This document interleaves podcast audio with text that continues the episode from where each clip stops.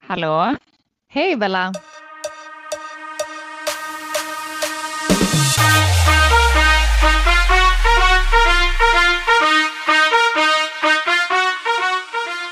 Välkommen till podden Ring mig. Det är jag som är Ellen. Och det är jag som är Isabella. Nej men se på fan! Hej! Det var så Hade länge sedan nu. Ja, jag vet. Vi har inte pratat eh, alltså utanför podden heller ju. Nej. Fan nu laggar det lite. Nu, jag var tvungen att välja mikrofonen som input. Jag hade inte gjort det innan. Ja. Eh, du är output, input, yes, gött, mos. Då kör vi. Alltså varför säger vi så i Sverige egentligen? Gött mos och yes, nej vänta vad är det vi säger? Sure Yes, bacon. Ja du, För väldigt det bra fråga. Jag det säger jag till Jake ibland. När han bara, kan du fixa det här? Jag bara, i sure bacon. Och han bara, okej. Men är det inte... Ja, jag har ingen aning. Men Get Mos är från Göteborg garanterat. Ja. Det För är- sure bacon, det är så självklart för en svensk, men för honom blir det ju, alltså, ja. Mm. Jag har aldrig tänkt på det. ja. Sure bacon. Ja, men det var typ också någonting, jag kommer ihåg att min mamma sa det väldigt mycket typ när jag var yngre. Mm. Så han Men alltid sure skolan bacon. så här, och sen så var det några som gjorde ett helt rim av det, så här, sure bacon, lingonsylt med potatismos. Men kommer du inte ihåg den här Ellen? In, se, faktum. Just det! Alltså ful grej. Och sen när man tackade för maten, vad var det man sa då? Tack för maten, den var god, mitt på bordet stod en ko. Ehm. vad- kommer du ihåg den? Ja, jag, jag känner igen den men jag har ju så extremt dåligt minne. Från my Ja, childhood. ju, på, ta, på tal om, eh, för den sa vi alltid matsalen efter vi hade ätit. Men i Göteborg kallar man ju inte det för matsal. Ni säger ju bamba. Mm, exakt. Det är Bamba. så sjukt. Ja, Bambatant. Bambatant ja. Gud vad jag hatade bambamaten alltså. Eller skolmaten då. Åh, jag älskade den. alltså jag, jag kan typ så sakna bara potatisbullarna, fisken, den panerade fisken. Åh, alltså jag var ju den Alltså- gick och hämtade mat två, tre gånger. Ja men jag kan tänka mig det. Och du var också den som när det var typ så här pasta, spaghetti, köttfärssås. Då var det verkligen så här, du byggde ett berg. Mm. Kan jag tänka mig. Jajamän. Det enda jag inte gillade det var pannkakorna för vi fick, ehm, det här var på gymnasiet i alla fall, så fick vi eh, såna här färdiga pannkakor. Du vet de är vikta.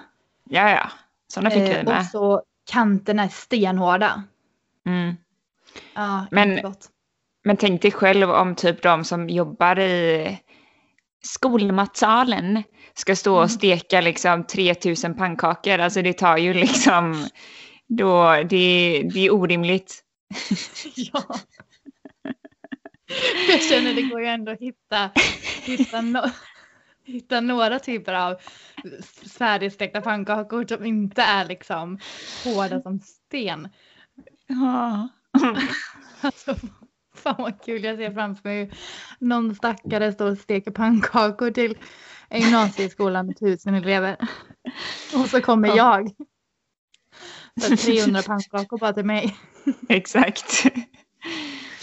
Alltså vad var jag tänkte på mer? Just det, jag har insett, alltså när man har bott utomlands hur eh, bra vi har det i Sverige. Alltså här får ju inte barnen eh, skolmat, det trodde jag. Eh, jag vet i USA att det inte är så, för när jag var au pair, alltså då var man ju tvungen att, att fixa ehm, med mat. Och gud, jag måste bara berätta, eh, när jag var au pair eh, så hamnade jag ju i en familj först. Jag vet inte om du vet det här. Men jag var ju i en, alltså en jättehemsk familj först. Ehm, så jag bytte ju sen och det var då jag hamnade hos den här fantastiska familjen som jag sen har eh, varit tillbaka hos några gånger. Ehm, men den första familjen, då, alltså för att för att ansöka då om en familj först och främst så det är ju en jätteprocess. Alltså det tog säkert ett halvår tror jag att hitta, alltså, gå igenom hela processen och hitta familj och så.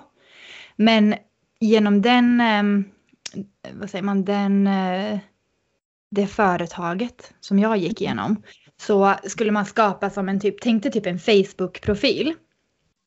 Och så skrev man då in alltså information om sig själv, sina intressen, eh, erfarenhet och liksom allt sånt där. Men sen då matchades man med familjer som också då hade skapat såna här profiler. Eh, men då helt plötsligt sa min mamma en dag så här, hon bara, men jag har en, eh, en vän vars bror bor i USA och har en, liksom en amerikansk fru och sådär. Och de har en tysk au pair just nu som ska flytta hem.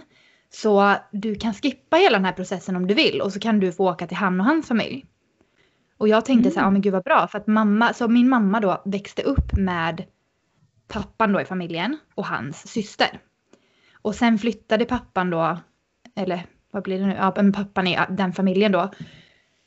Um, utomlands ganska tidigt så min mamma har liksom aldrig känt honom egentligen. Men hon har varit väldigt bra kompis med hans syster. Eh, så det var ju då hon som tipsade om det. Så jag eh, hörde då av mig då till Jonas som han heter. Och eh, eh, hänga ut hela familjen här. Systern är jättetrevlig, det är inget fel på Jonas heller. Men hans fru då, den här amerikanska kvinnan.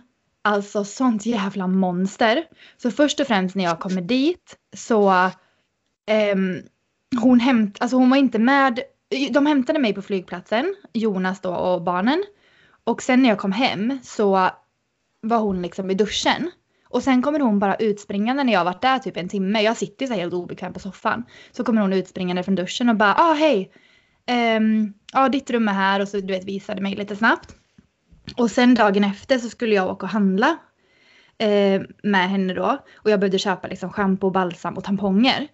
Och jag kommer ihåg att jag, alltså nu är jag ju jättefrispråkig men där och då så tyckte jag att det var lite så här pinsamt du vet. Eh, så frågade jag henne så här, ah, viskade liksom så här, vet du vart de har tamponger?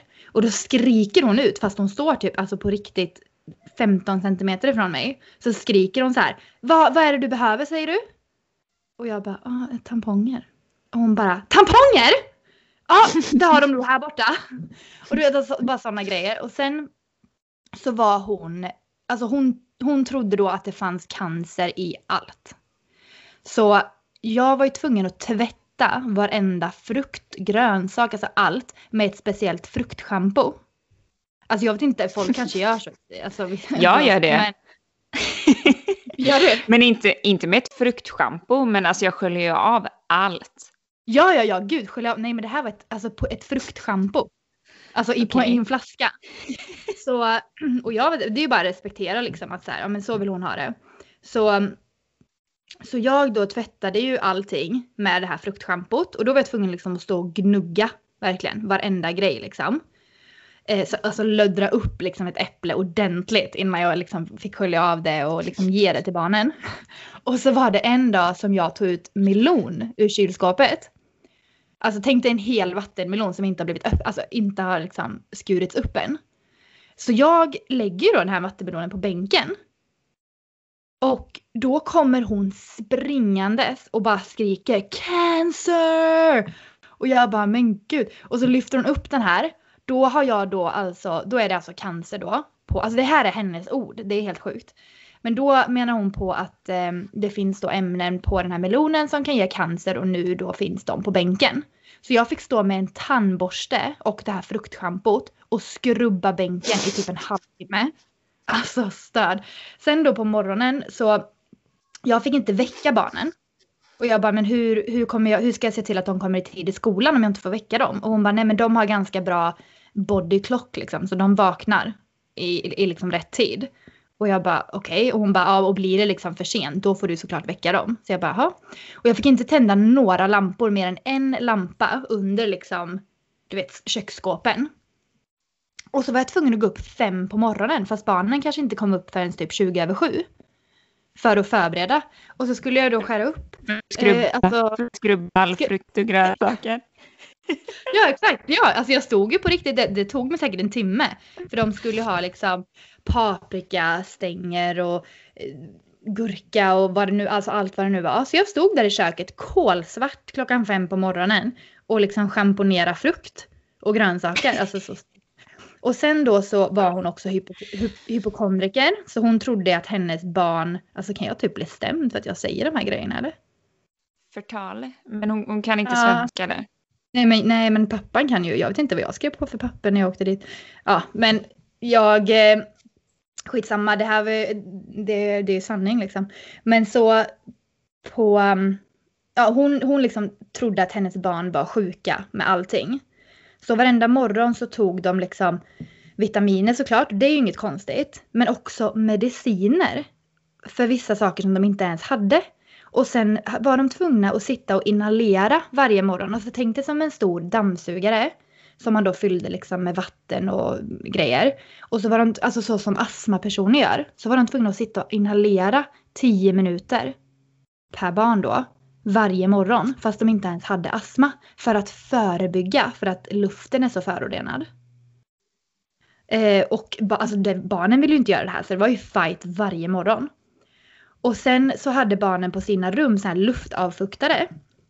Och de ska, eh, de ska tvättas rent en gång i månaden. Och då ska man plocka isär du vet hela grejen. Och skölja ur och liksom med skrubb, för det är ju vatten i liksom och ånga och sådär så det är klart att det blir eh, ja, men att det sätter sig skit liksom. Men det var jag tvungen att göra varje morgon. Så varenda morgon jag hade liksom kört barnen till skolan så var jag tvungen att komma hem, plocka isär de här i badkaret och sen sitta med, återigen med en liten tandborste och skrubba varenda del. Alltså så sjuka grejer. Och sen så hade de en hund. Båda föräldrarna jobbade också hemifrån. Så de satt inlåsta på sitt rum varje dag. Och jobbade. Och jag var tvungen att köra hunden till ett hunddagis. 45 minuter enkel resa inte ens mitt jobb. Och jag kände bara så här, ni är hemma, alltså ta hand om er hund. Istället mm. för att liksom, ja. Men så hemskt. Och flickan då i familjen, det var två barn, en flicka och en pojke. Och flickan hon eh, provade kläder varje morgon, alltså i ja, men, ja, men en timme typ. Alltså hon kunde ta på sig tolv olika tröjor innan hon hittade den hon ville ha. Och då var jag tvungen att tvätta alla tröjor hon hade tagit ur, rena ur lådan bara för att prova så, Men kära ja. barn. Ja, helt stört. Så jag tvättade ju säkert fem maskiner om dagen och jag var tvungen att separera allting. Alltså jeans för sig, eh, alltså du vet mysbyxor och sånt för sig. Men det låter lite så här, alltså jag tycker det låter så här lite typisk, ett typiskt amerikanskt amerikans beteende på ett sätt. För åt de kött till exempel? Eh, alltså gud, det kommer inte jag ihåg. Jag Ja, kanske, men då var det väl säkert något ekologiskt närproducerat. Ja, men jag vet. För, jag, för jag, jag tror verkligen att det finns ett samband mellan köttätande och cancer. Det är jag helt övertygad om. Jag tror ju också på så här, djur då, precis som vi människor så sätter ju sig känslor alltså, i kroppen. Alltså det sätter sig i vårt kött liksom, i kroppen. Så att om mm. vi äter en kyckling då till exempel som, är, som har levt ett jättestressigt liv och eh, haft en jätteliten plats eh, eh, i ett, eh, ja nu vet inte jag egentligen hur det går till men ja, en stressad kyckling och så äter jag den. Då äter jag mm. ju liksom kött som är stressat och då sätter ju det sig i mina celler också, den stressen. Fattar du? Mm. Ja. Där är jag... Då blir du en liten stressad kyckling sen. Jajamän. Nej men, men fattar du vad jag menar? Alltså att så här, ja. Det är inte så att okej okay, du äter en, en stressad kyckling och så får du liksom utslag och blir hur, hur stressad som helst. Så är det inte. Men någonstans så lagras ju ändå den, för jag menar det är ju vad vi, eh, eller nu äter ju inte jag kött då, men, eller kyckling eller så. Men det är ju ändå sånt som sätter sig och hjälper oss att bygga våra celler. Så för mig i alla ja. fall, it makes sense att vi har, lagrar ju någonstans de här känslorna från djuren också i oss. Ja. Liksom. Gud vad sjukt, alltså jag har aldrig tänkt på det. Jag, jag för, förstår ju att om en kyckling liksom proppas med antibiotika och liksom skit för att den ska hålla sig frisk och liksom allt sånt där. Då kan jag förstå att det, det lagras liksom i köttet och att det äter vi då sen. Precis som att eh, fisk som får i sig plast i haven. Eh, att vi då sen äter plast. Men jag trodde liksom inte att känslor kunde, alltså att känslor lagrades på det sättet och att man liksom, ja, jo, nej, men, så både känslor och trauman och jag, jag blir mer och mer övertygad om så här, alltså när vi har typ, vi säger att ja, men, jag har väldigt ont i magen, då tror jag det är egentligen helt kopplat till alltså, min mentala hälsa och det är bara kroppen som någonstans säger ifrån. Mm. För kroppen är smart alltså. Så att jag Mm. tror att, eh, ja nu blir det väldigt eh, sidospår här men Och jag, alltså jag får ju återigen när du berättar sånt här så får jag så mycket bilder i huvudet. Jag ser ju dig stå Ja. där med den här stora melonen och stå och skrubba liksom med en liten tandborste med det här fruktschampot. det var, jag hade ganska mycket hemlängtan då av naturliga skäl under första typ månaden. Och då skulle vi på, eh, då hade Svenska kyrkan anordnade Lucia-firande. Och eh, det skulle hon gå då på med sina barn eftersom barnen då är halvsvenska. Eh, och frågade om jag ville följa med och jag bara, men jättegärna, alltså det vill jag verkligen. Eh, sen så tvingade hon mig att jobba de, den lördagen. Så jag hade hand om barnen tidigt på morgonen till liksom lunchtid. Och sen hade jag glömt av att det var Lucia-firande. Så så fort jag liksom hade jobbat färdigt så ville jag ju ut och träffa kompisar för att jag ville ju bara ta tillvara på mina helger liksom. Så jag stack ju ut snabbt och, och träffade vänner och så var vi ute och käkade lunch på någon restaurang och då ringer hon till mig. Eh, lite senare och så säger hon så här att ja ah, men vad gör du och du vet alltså var ganska trevlig ändå och jag var ju liksom inte van vid det och att hon ringde överhuvudtaget. Och så eh, frågade jag så här, ja men jo men allt är bra liksom, hur, hur har du det? Och hon bara, jo jättebra, Vi- jag och barnen har precis varit på Lucia-firande nu och det var så himla bra, synd att du missade det. Och jag bara, aha, men jag bara, men gud det hade jag glömt av. Så här, och så hon bara, ja det var jättefint så det var ju himla synd. Ehm, så typ sådana grejer, alltså det var som att hon medvetet då såg till att jag skulle jobba på morgonen. Och egentligen vet jag inte varför för hon bara duschade och liksom, alltså hade lite self-care typ.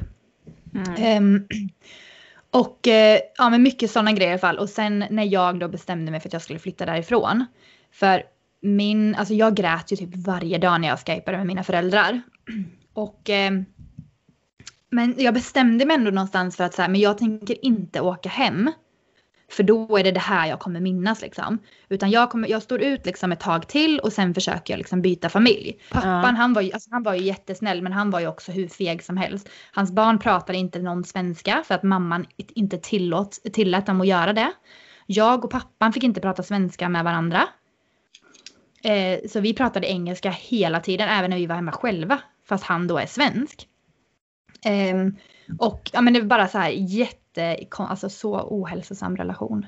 Alltså Jonas om du hör det här, dags att lämna. Jag måste bara säga en rolig grej på tal om au pair. För jag vill ju jättegärna åka iväg när jag var, ja men jag tror jag var 18, 18-19 började jag liksom på det spåret. Mm. Eh, och jag hade ju, för min mamma åkte iväg som au pair när hon var 18 och bodde Mm, hos... Min mamma med. Ja, men det känns som att det var lite den generationen. Det var liksom, du backpackade inte utan du åkte iväg som au pair. Alltså det var det vi Ja. gjorde. Exakt. Men så jag fyllde ju i allting eh, via ett företag, precis som du, så laddade upp eh, eh, bilder och vad man tyckte om och allt sånt. Och jag hade ju en vision av att så här, nej men jag ska ju bo i, på Hawaii, LA, alltså nå- något sånt tänkte jag i mitt huvud liksom. Ja.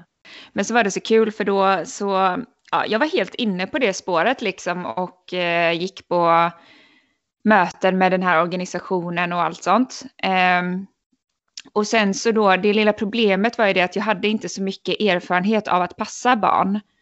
Ehm, däremot så har jag alltid, och fortfarande än idag, alltså barn bara dras till mig och det är samma sak med djur. Det är liksom jätte, oj, min röst, jättenaturligt. Ehm, men så jag blev ju bara ihopparad, eller jag blev ihopparad med några par, med de, eller par, några familjer. Men alla bodde i typ så här Alaska och typ eh, Ohio. Och jag var så här, nej, det, det här går Nej. inte. Nej. Så jag fegade ur. Och jag ångrar faktiskt det lite än idag för att ehm, alltså varför gjorde jag det bara inte liksom? Mm. Eh, sen så har jag ju rest mycket ändå och så, men jag tycker ändå att det är en ganska bra erfarenhet och man får ju se mycket och lära sig mycket och så. Mm. Ja, alltså. Ja, för mig, det var jättelärorikt och det var ju det som blev starten på att jag har bott så mycket utomlands sen. För sen, alltså jag hade ju, när jag flyttade hem, då hade jag ju varit borta i ett år och en månad. Då var jag hemma i fem dagar innan jag flyttade utomlands igen. Eh, så det gav ju en verkligen mer smak liksom och det var ju en jättebra erfarenhet. Men, mm. eh, men ja, så jag hade inte heller jättemycket barnerfarenhet. Eller vi, min familj har ju varit fosterfamilj. Eh, alltså ja. så länge jag kan minnas. Så jag har ju mycket erfarenhet sådär, alltså att passa med mina yngre bröder liksom och fosterbarn och så. Men man var ju mm. tvungen att skaffa sig erfarenhet av, eh, menar, av barn som man inte var släkt med. Mm. Eh, så jag sommarjobbade ju på en förskola för det, det, var 200 timmar tror jag man var tvungen att ha. Mm. Så jag passade ju typ vänners barn och eh, jobbade då på förskola under en sommar. Bara för att få ihop de 200 timmarna. Mm. Eh, men jag åkte ju egentligen inte för att jag ville vara au pair. Jag åkte ju enbart för att mamma berättade för mig, för hon bodde i Boston under sitt år. Och henne, när jag hörde hennes historier om att så här, hon tog amerikanskt körkort och liksom körde runt och hon åkte till liksom, New York och hon fick uppleva alla de här grejerna. Det var därför jag ville åka. Mm. Um, På tal om något helt annat, det här vet inte jag om du vill ha med. Men jag har ju träffat ett eh, fosterbarn, det låter fel att säga det, för det är ju lite som din lillebror. Som ja, er familj har eh, haft hand om. Mm. Eh, eh, har din mamma fortfarande honom? Eller det här kanske inte du vill eh, prata nej. om? Jo, men eh, jo, det kan jag absolut prata om. Jag vet bara inte hur mycket jag får dela eftersom det är mycket, vad säger man? Kon... Sekretess. Sekretess, ja precis. Um, men jo, vi hade ju, alltså under min uppväxt så hade vi först då eh, två små killar som bodde hos oss varannan helg. Eh, inte samtidigt utan den ena pojken kom en helg och sen den andra den andra helgen. Och det var ju för att de hade liksom familjer eh, som SOS då antar jag eh, såg som okej okay, liksom familjer. Men att de här pojkarna behövde komma iväg för att få lite liksom eh, ja, men, normalt familjeliv eller vad man ska säga. Alltså, mm. få, alltså få kanske vara va med i någon sport och liksom sådana här grejer. Så att de kom till oss varannan helg. Um, och um, ja, och vi liksom bara tog hand om dem och de, eh, vi tog dem, skjutsade dem till fotbollsträning och du vet det var liksom, de följde med på semester till, eh, till vårat sommarställe och sådär. Och sen efter det så eh, fick ju mina föräldrar förfrågan då om, ehm, eh, om, jag vet inte om jag får säga hans namn ens. Nej, jag tänkte också, det kanske inte är så bra. Jag vet Nej, ju tror jag vem du pratar han, om. Ja, för han bor ju inte med oss längre. Nej, okej. Okay. Eh, tyvärr. Oh. Men eh, det var i alla fall en liten kille som eh, mina föräldrar då fick förfrågan om att, att ha hand om. Eh, och han var, om jag inte minns fel, så hade han precis fyllt ett när han kom till oss. Och mina mm. föräldrar hade ju egentligen kanske tänkt att, eh, alltså min mamma framför allt, alltså, och hon är så fin människa, men hon har alltid, alltid velat hjälpa eh, barn. Mm. Eh, men hon hade väl kanske tänkt sig någon äldre, för vi var ju ganska gamla då. Jag tror att min yngste bror var kanske 14 eller 15, något sånt.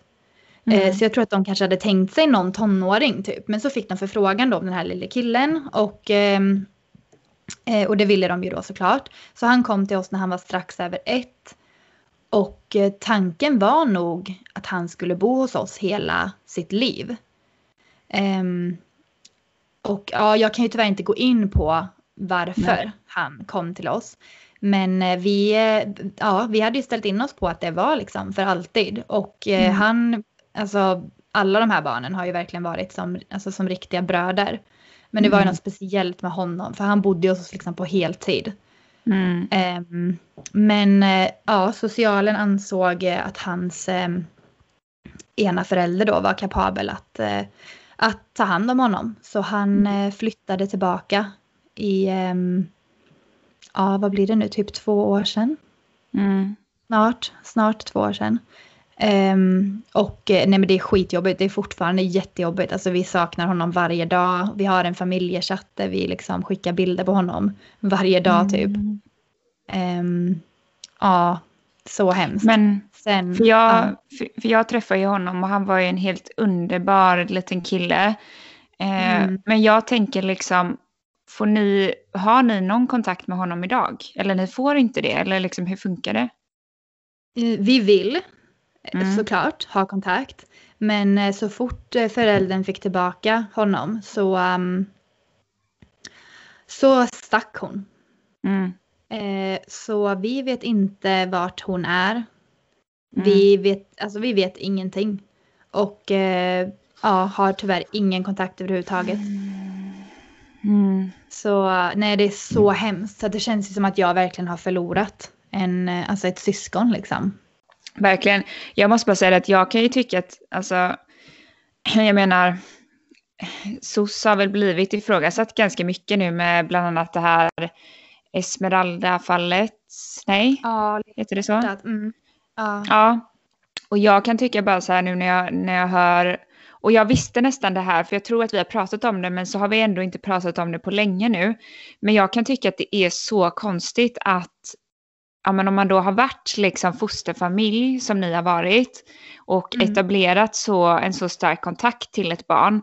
Jag kan inte med all, alltså jag kan inte förstå hur de då liksom att ni inte får ha någon kontakt. Jag tycker det känns jätte, jättekonstigt emot barnet. Mm.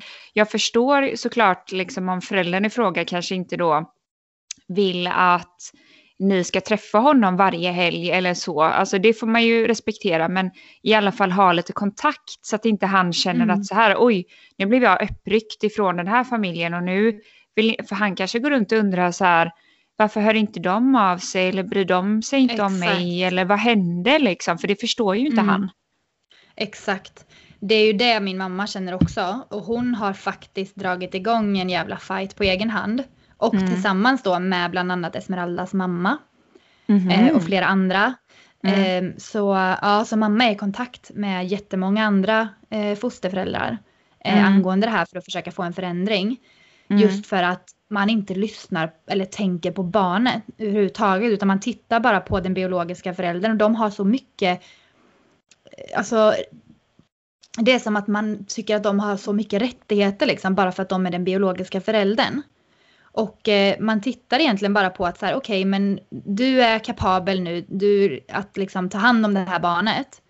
Men man kollar bara på en ganska basic nivå. Exakt. Eh, så, ja, så mamma har ju verkligen gjort allt hon kan nu och liksom eh, alltså, anmält och gjort utredningar och allt sånt där. Just för att hon är ju rädd att, att liksom, eh, ja men vårt eh, fosterbarn då, att han då ska känna precis så som du säger. Mm. Att gav, alltså, gav vi bara upp på honom? Och, liksom sådär. Precis. och då vill hon liksom göra allt i sin makt för att när han då blir äldre, om han försöker kolla upp någonting eller om han liksom undrar varför vi bara övergav honom, så ska han Mm. veta att vi gjorde allt vi kunde Mm. för att det skulle bli så bra som möjligt för honom. Mm. Ehm, För jag- Så, ja. nu i och med ja, men, dels kursen jag har läst men också liksom av egen erfarenhet nu när jag har backat tillbaka bandet och jobbat ganska mycket med eh, min barndom och uppväxt och allting. så alltså i, ur min synpunkt så är det, det är jätteallvarligt alltså att bara, ja men som du säger liksom överlåta föräldern då och liksom att ni inte får ha någon kontakt. Det, det är traumatiserande för ett barn. Och så Ja, ska det inte få verkligen. gå till. Alltså jag, jag kan inte Nej. förstå hur de tänker. Det är Nej, det är helt orimligt. Mm. För han minns ju heller inte livet innan oss. För han var ju så pass liten när han kom till oss att vi är ju hans familj. Vi, Mm. var, alltså, vi var ju liksom det enda han visste. Mm. Ehm, och han, men han förstod ändå, vi var ändå väldigt noga med att prata om hans biologiska föräldrar. Just för Mm. att vi ville att han skulle växa upp och vara medveten om vart han kommer Mm. ifrån och liksom sådär. Så vi pratade ju mycket om liksom, ja men om hans mamma, om hans pappa och liksom hans, den sidan av hans familj. Ehm, och, och han var också så himla smart och så himla medveten om allting. Eh, och det var som att han liksom, han ville verkligen understryka att vi var hans syskon. Så han kallade ju aldrig mig för Ellen, han kallade ju mig för stora syster hela tiden. Mm. Ehm, så nej, jätte, jättehemskt. Alltså, jag tror verkligen att han har det bra. Eh, alltså det är jag verkligen, det är jag säker på att han, han har det han har det nog jättebra just nu. Men jag tycker också som du säger att det är så fruktansvärt hur man inte ser till barnet överhuvudtaget. Mm. Utan att, eh, jo men nu har den här föräldern fått, skaffat sig ett jobb. Så nu Exakt. kan hon eh, ta hand om sitt barn, alltså lite så. Det, nej det är Ja. fruktansvärt. Och men jag eh, tror... jag hoppas att det blir någon slags förändring nu.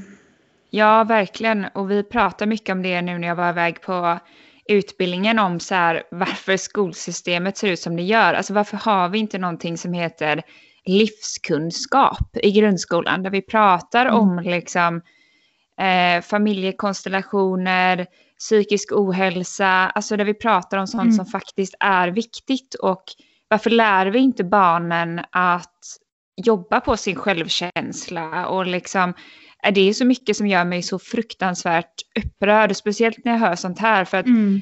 även om han kanske har det bra nu så tror jag ändå att det här kommer följa med honom. Och nu vill jag inte liksom skuldbelägga er, för det här är ju det är inte ert eh, fel att det blev som det blev. Men att den liksom, ja men att då kanske gå med det här att känna att man blev övergiven, alltså det kan sätta Mm. riktigt djupa spår i Mm. eh, en människa alltså.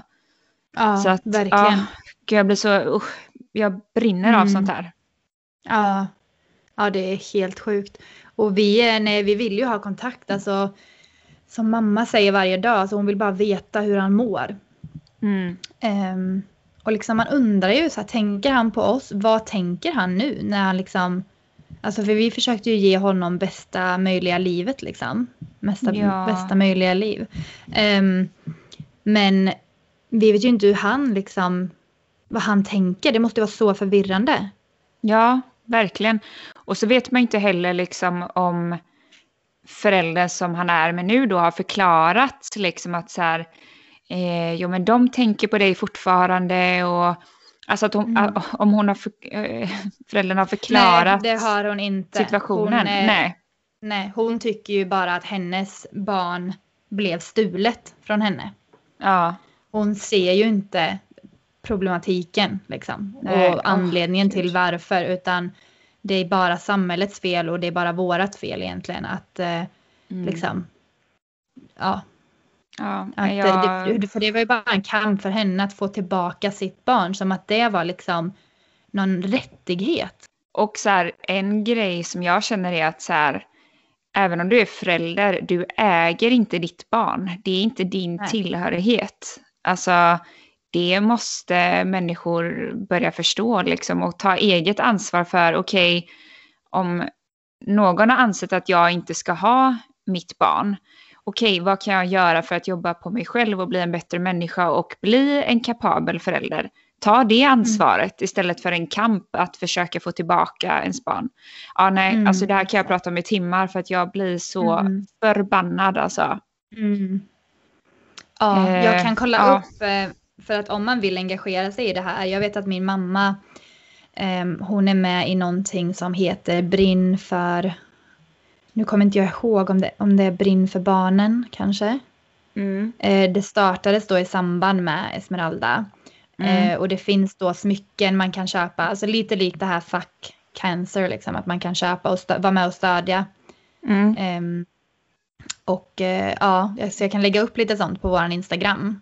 Mm. Eh, och sen så säger de också att det behövs fler fosterfamiljer. Så om det är någon som lyssnar på det här som, som liksom är eh, lämplig och som har eh, ja, men liksom vad ska man säga, tid och kärlek och förutsättningarna för att ja, ta emot ett barn och hjälpa till. Det finns så många barn som behöver hjälp. Mm. Oh ja. Så viktigt. Mm.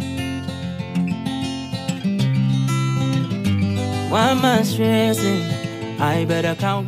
Nu switchar vi samtalsämne totalt, men vi måste ju ändå gå in på lite, för nu sänds ju det sista avsnittet av Älska, älskar inte. Det kommer att ha sänts både på Discovery och på kanal 5 nu när vi, det här avsnittet släpps, det här poddavsnittet. Så ja, den stora frågan då. Ja, vi är ett par, tro det eller ej. Hej allihopa, det är Isabella här. Um, Vi spelade in det här avsnittet i måndags. Uh, I avsnittet så um, förnekar jag allt och jag uh, skyddar min förövare, tar på mig skulden för hans beteende och uh, ja, det fick vi klippa bort för det är inte sanningen. Um, I tisdag så fick jag ett meddelande av en tjej som heter Karin och jag kommer nog aldrig kunna tacka henne nog. Um, hemsidan heter varningstecken.nu och um, när jag läste igenom den listan och varenda punkt stämde så kände jag, även fast jag redan visste att nu räcker det. Um, jag fick nog helt enkelt. Till min förövare, tack för allt som du har lärt mig. Du har gjort mig starkare samtidigt som du medvetet försökte göra mig svagare. Du manipulerade mig, utnyttjade mig och sårade mig. Det kommer jag aldrig att glömma. Men jag kommer förlåta dig. Alltid ha kärlek för dig. För det är sån som jag är. Till dig Isabella. Jag vet att det gör ont. Du gav allt i denna relationen. Du gav ditt hjärta, din kärlek, din omtanke, din energi och din tid. Jag är så innerligt stolt över dig. Du inspirerar mig. Du vet din kapacitet, din urkraft. Snälla, lita på dig själv. Du har lärt dig det finaste som man kan lära sig. Att älska sig själv, stå i sin kraft, tala sin sanning, även fast den ibland är smärtsam. Du ser din framtid och du vet att du kommer följa ditt kall. Detta är bara ytterligare en erfarenhet som du behöver ta med dig när du hjälper och utbildar andra i framtiden. Jag älskar dig.